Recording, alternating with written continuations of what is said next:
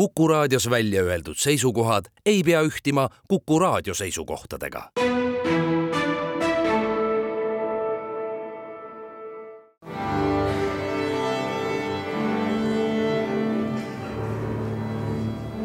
daamid ja härrad, Eesti Kontserdi saade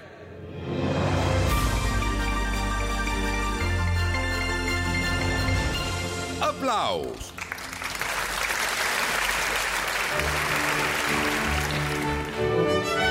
Detsember on ukse ees, aasta kõige kontserditihedam kuu. ma ei loo endale siin mingit illusiooni, et jõuaksime siin ja praegu rääkida kõigest kolmekümne kolmest eesootavast kontserdist, aga mingisuguse pildi siin vast lähemate minutite jooksul kokku paneme. see on Eesti Kontserdi saade Applaus, mina olen Lauri Aav, tere kõigile detsembri juhatavad sisse Piip ja Tuut ehk Haide Männemäe ja Toomas Tross, kes tutvustavad lastele ooperikunsti koos lauljate Maris Lilossoni ja Tuuri Dedega. Anett ja Ola Onabule kohtuvad esmakordselt kontserdilaval ja toovad New Wind Jazz Orchestra saatel kuulajateni souli ja džässi vaimust kantud jõululaulud, juhatab Lauri Kadalipp jõulueel on ettekandel monumentaalne Mozarti missa C-moll, Eesti Filharmoonia Kammerkoori ja Tallinna Kammerorkestrit dirigeerib Tõnu Kaljuste. Jaani kirikus annab traditsioonilise jõulukontserdi Eesti Rahvusmeeskoor pühadeks tulevad koju Euroopas õppivad noored Eesti muusikud, et esineda aasta viimasel päeval meeleoluka kontserdiga Henri Christopher Aaviku dirigeerimisel. sama päeva õhtul soleerib traditsioonilisel aastalõpukontserdil Tallinna Kammerorkestri ees pianist Sten Heinaja see oli täna ilmunud Eesti Kontserdi pressiteate tekst, aga ka see ei sisalda veel kõike.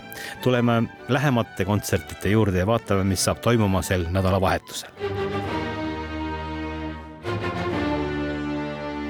täpsemalt siis reedel Estonia kontserdisaalis ja laupäeval Pärnu kontserdimajas, kus muide on Pärnu kontserdimaja traditsiooniline sünnipäevakontsert.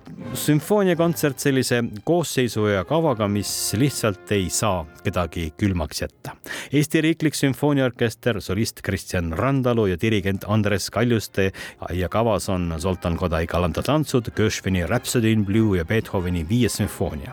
ma käisin eile proovi lõpus laval ja rääkisime Andres Kaljustega sellest kontserdist.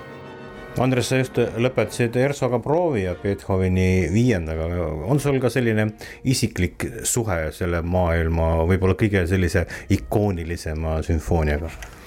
on küll, ma olin nii viisteist aastat tagasi olin Berliinis, Berliini raadiosümfooniaorkestri akademist, mis tähendab seda, et ma olin kaks aastat tegin nendega projekte kaasa ja minu esimene kokkupuude selle sümfooniaga oli tõesti nende rivistuses ja oli suur, suur au mängida seda Berliini Filharmoonia saalis. Äh, tollase peadirigendiga Marek Janovskiga.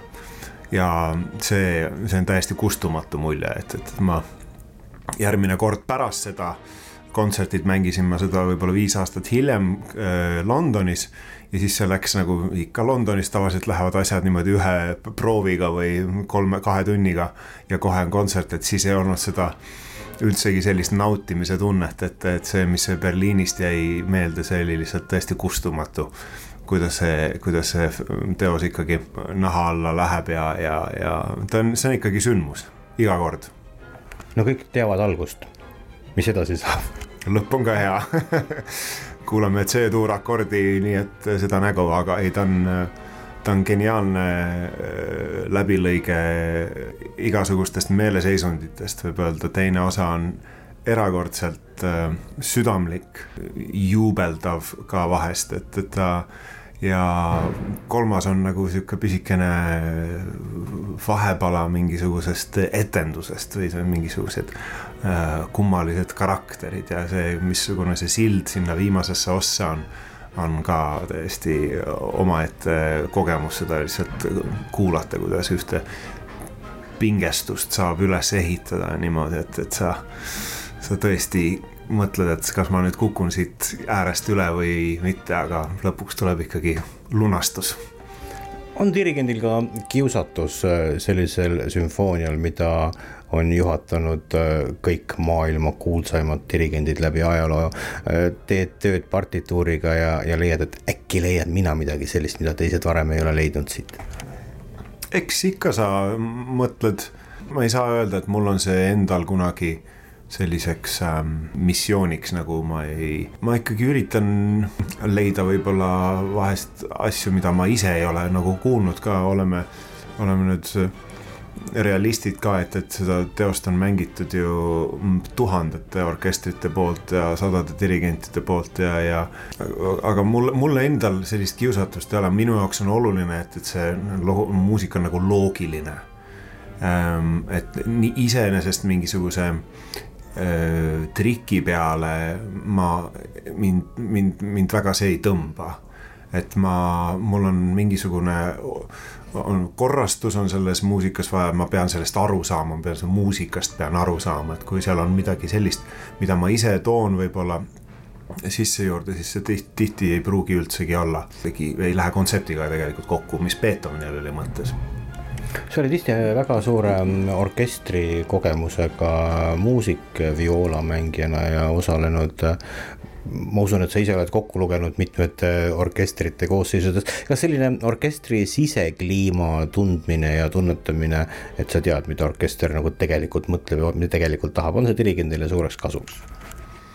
nii ja naa, et, et orkester on ju suur, seal on palju inimesi, kellel kõigil on väga erinevad Äh, arv, arvamused sellest, mis neile meeldib, mitte ainult dirigentide osas, aga kõiges muus elus ülejäänus, nii et, et see. see, et, et sa oled selline keskne figuur nende nädalas, nende ees keegi, kes öö, äh, üritab tuua koos nendega parima võimaliku lavale. muidugi orkestri kogemus on nagu väga oluline, et ma olen väga paljud nendest teostest ise, mida ma noh, mida ma dirigeerin, väga paljusid ma olen ikkagi ju ise mänginud, mis tähendab seda, et nad on mul kuskil äh, kuskil, kuskil DNA-s, kuskil vere sees juba jookseb, ma tean, kuidas mis on nagu, mis, mida saab mängida, mis on vähemalt minu võimete järgi ja, ja mis on ka loogiline, et äh, selles mõttes ta muidugi väga palju aitab. Beethoveni viies Gershwini Rhapsody in Blue, sina ja Kristjan Randalu, kõik äh, suurepärased komponendid, selle, selle kurblooline tulemus on see, räägi, kuidas me nüüd sinna minna pileti saaks? no ma arvan, et tuleb äh, reede õhtul kohale tulla ja ähm, hoida pöialt endale. Äh, teine variant on, tulge Pärnusse, äh, laupäeval on seesama kontsert seal. Pärnu kontserdimajas on meil kõigil alati väga suur rõõm mängida, akustika on erakordne ja, ja, ja sinna veel kohti jagub jõudsimegi siinkohal tõdemuseni, et Tallinnas on kõik selle kontserdi piletid endale omaniku juba leidnud. Pärnus siiski peaks üht-teist veel saada olema. reedel Tallinnas ja laupäeval Pärnus Beethoveni viies. Erso, Kristjan Randalu ja Andres Kaljuste rahvusmeeskoori jaoks on ähm, samuti detsember tihedalt tegemist täis. juba sel pühapäeval toovad nad kuulajateni võib-olla ehk tinglikult öeldes jõululiku kõlamaailmaga muusika, kus on kõrvuti neljateistkümnenda sajandi lõpul elanud Giovanni Gabrieli ja kaasaegse Itaalia helilooja Giovanni Bonato looming. mõlema autori teosed on sel kontserdil läbivalt kordamööda ja see moodustab sellise mõjusa ajalise või siis tegelikult just vastupidi ajatu silla. Mikk Külaoja on selle kava kokku pannud ja tema ka dirigeerib pühapäeval, kolmandal detsembril kell viis pärastlõunal Estonia kontserdisaalis veel teeb Ramm kummarduse oma loojale Gustav Ernesaksale, kelle sünnist möödub detsembris sada viisteist aastat. ja see saab olema selline suurem meestelaulu õhtu, sest laval on lisaks veel meeskoor Sakala, Saaremaa meeskoor, inseneride meeskoor, Eesti Teaduste Akadeemia meeskoor ja Rahvusooper Estonia noorte meestekoor.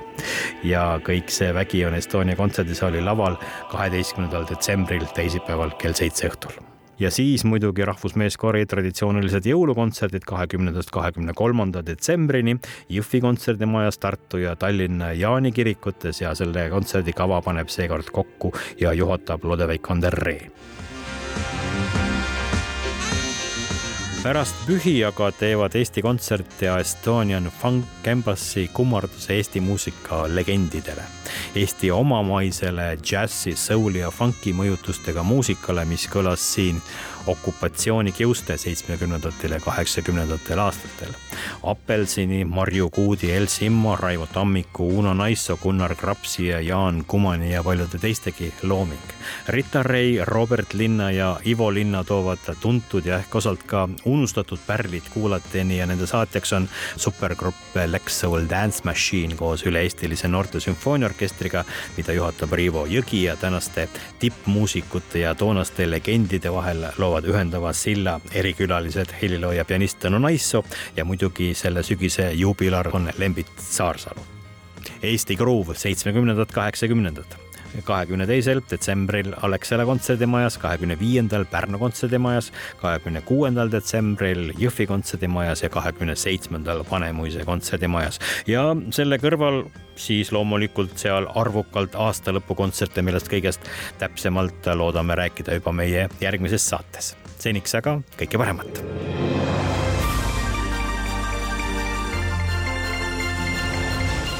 aplaus